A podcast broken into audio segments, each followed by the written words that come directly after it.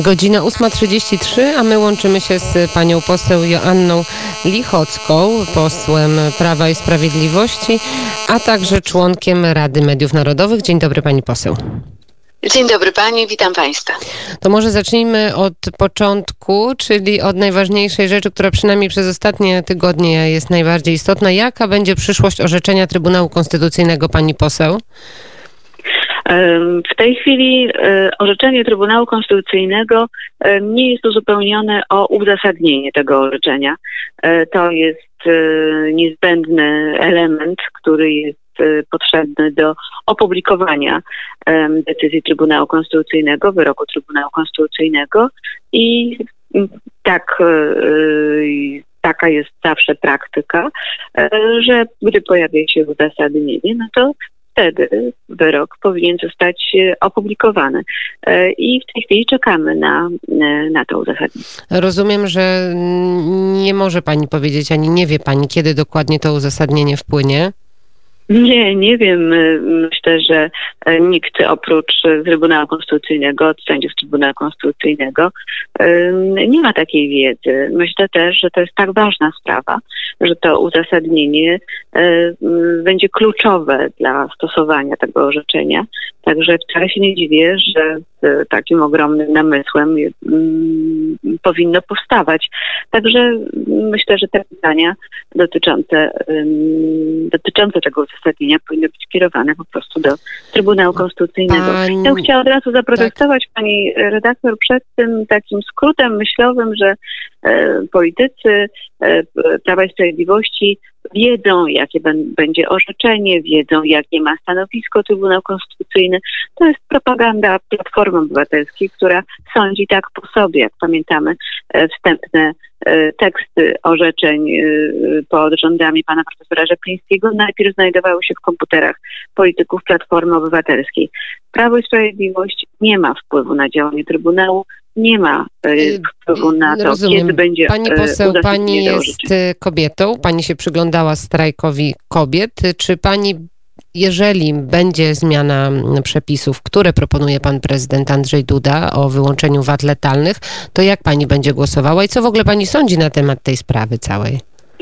Ja uważam, że y, y, y, rozwiązanie kwestii tych wad letalnych jest konieczne i jeżeli projekt prezydenta Andrzeja Dudy po analizie merytorycznej, po analizie w Komisji Zdrowia, bo on w tej chwili będzie tam skierowany, okaże się, że spełnia wszystkie wymogi, które są w sytuacji prawnej po orzeczeniu Trybunału Konstytucyjnego, e, no to ja mam nadzieję, że oczywiście on zostanie uchwalony.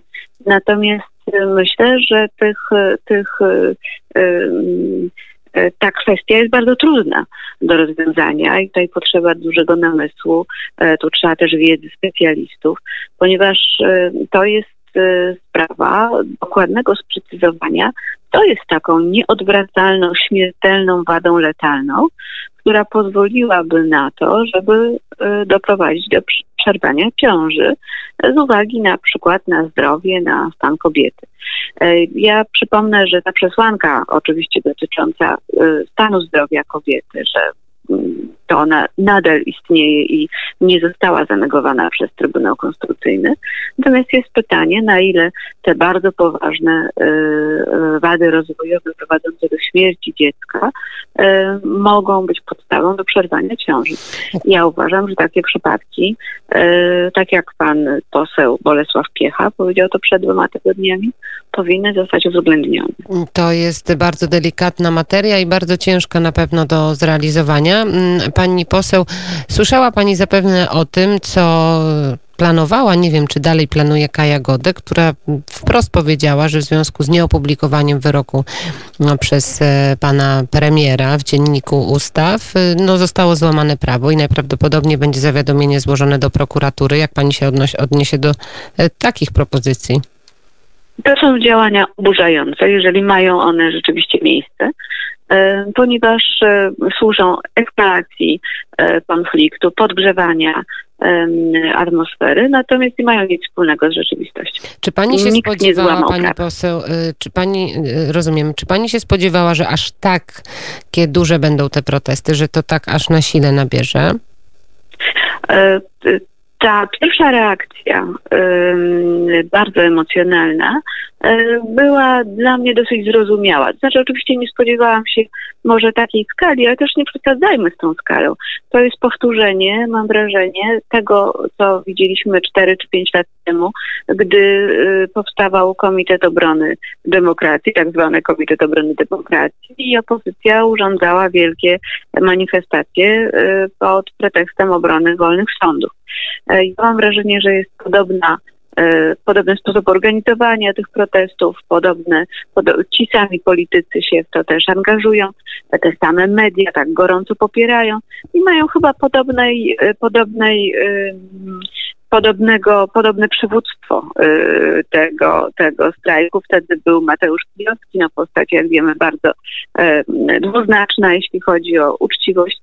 No w tej chwili mamy panią Lempart, która przedwczoraj w programie w TVN nie powiedziała, że te wszystkie wulgarne słowa, które, którymi raty nas strajk kobiet, to jest po prostu normalny domowy język, którymi one się posługują.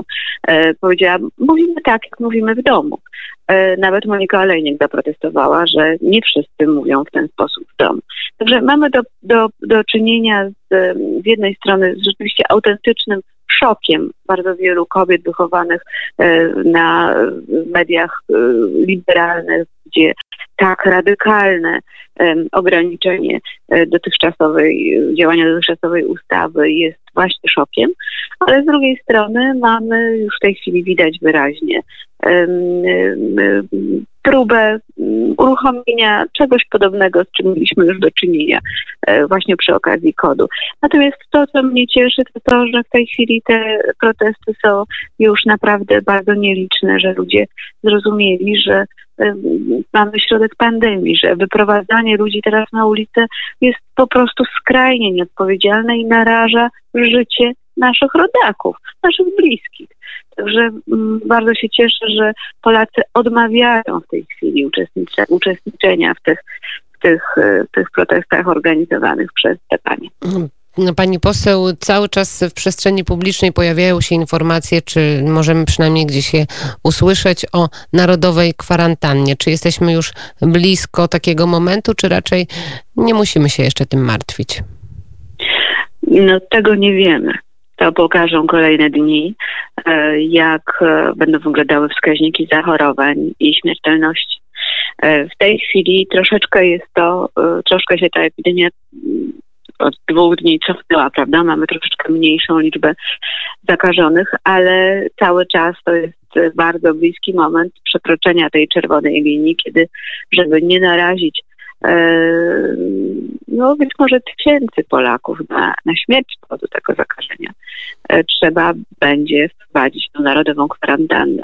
Oczywiście rząd Mateusza Morawieckiego e, robi wszystko, żeby do tego nie dopuścić, ale to jest również w naszych rękach, to znaczy e, nasza solidarność, taka zwykła ludzka solidarność powinna tutaj też zadziałać, to znaczy musimy zadbać o to, żeby po prostu nie było transmisji tego wirusa, żebyśmy nie zarazili naszych rodziców, naszych dziadków, naszych bliskich, żebyśmy zadbali o to, by samemu nie być, nawet jeżeli jest się, nie wiem, zdrowym, e, młodym mężczyzną, e, ale przecież można być nosicielem, żeby nosić maseczkę, żeby trzymać dystans, żeby nie, właśnie na przykład nie organizować jakichś, e,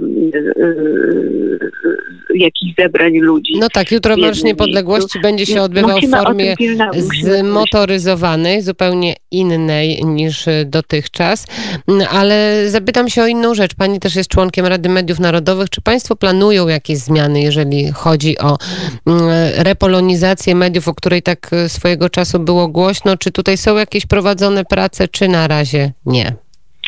No nie mówimy o repolonizacji mediów, tylko o dekoncentracji rynku medialnego. No to um, także dlatego między innymi, że prawo europejskie e, prawo Unii Europejskiej nie pozwala na to, żeby ze względu na narodowość kapitału e, zmieniać e, prawo i mm, powodować jakieś utrudnienia w działaniu. To dotyczy wszystkich państw Unii Europejskiej. Natomiast mówimy o dekoncentracji rynku i stosowna ustawa właściwie jest gotowa, tylko wszystkie te sprawy związane z tą jesienną ofensywą ustawodawczą, którą zapowiadaliśmy, no zostały trochę przesunięte ze względu na pandemię. Przecież teraz posiedzenie Sejmu zostało przesunięte e, po to, żebyśmy nie narażali pracowników Sejmu, nie, nara nie narażali siebie nawzajem na to, żeby dochodziło tutaj do tej transmisji wirusa. Jak, e, jakie tutaj są główne założenia kwestia... tej ustawy dekoncentracyjnej, pani poseł? Y, mm, Panie dyrektor, ja myślę, że wszystkie szczegóły e, zostaną podane wtedy, kiedy ta ustawa rzeczywiście e, będzie mogła e, wejść pod obrady Sejmu, kiedy zostanie skierowana pod obrady Sejmu. Myślę, że teraz jest Możemy to gdzieś przeczytać projekt tej ustawy? Nie. Ten projekt dopiero zostanie pokazany opinii publicznej, gdy zostanie ostatecznie skonsultowany w, również w obozie Zjednoczonej Prawicy i gdy kierownictwo Prawa i Sprawiedliwości podejmie decyzję, że z nim ruszamy. E, to jest kwestia decyzji politycznej, bardziej politycznej niż merytorycznej, e, w którym momencie i czy mm, w ogóle ten projekt skierować. Proszę pamiętać, że będzie się to łączyło z bardzo silnym znowu konfliktem, ponieważ jak wiemy, e, media, zwłaszcza media kapitału niemieckiego, mają bardzo silną pozycję w Polsce i będą oczywiście poruszały niebo i ziemię, żeby tę pozycję obronić.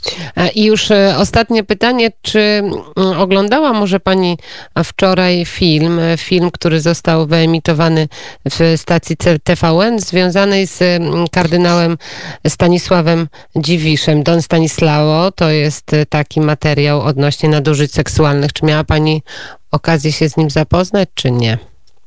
Nie, ja przekazu TVN-u na temat ludzi Kościoła E, nie traktuje jako w pełni wiarygodny.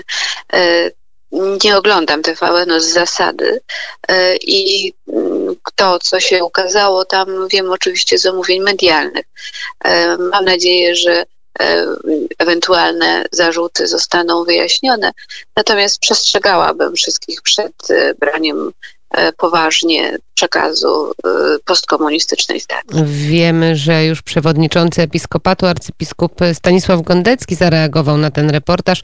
No i e, będziemy oczywiście dalej tę sprawę śledzić. Bardzo dziękuję za rozmowę. Pani poseł Joanna Lichocka, poseł Prawa i Sprawiedliwości, członek Rady Mediów Narodowych, była gościem poranka wnet. Dziękuję bardzo za rozmowę.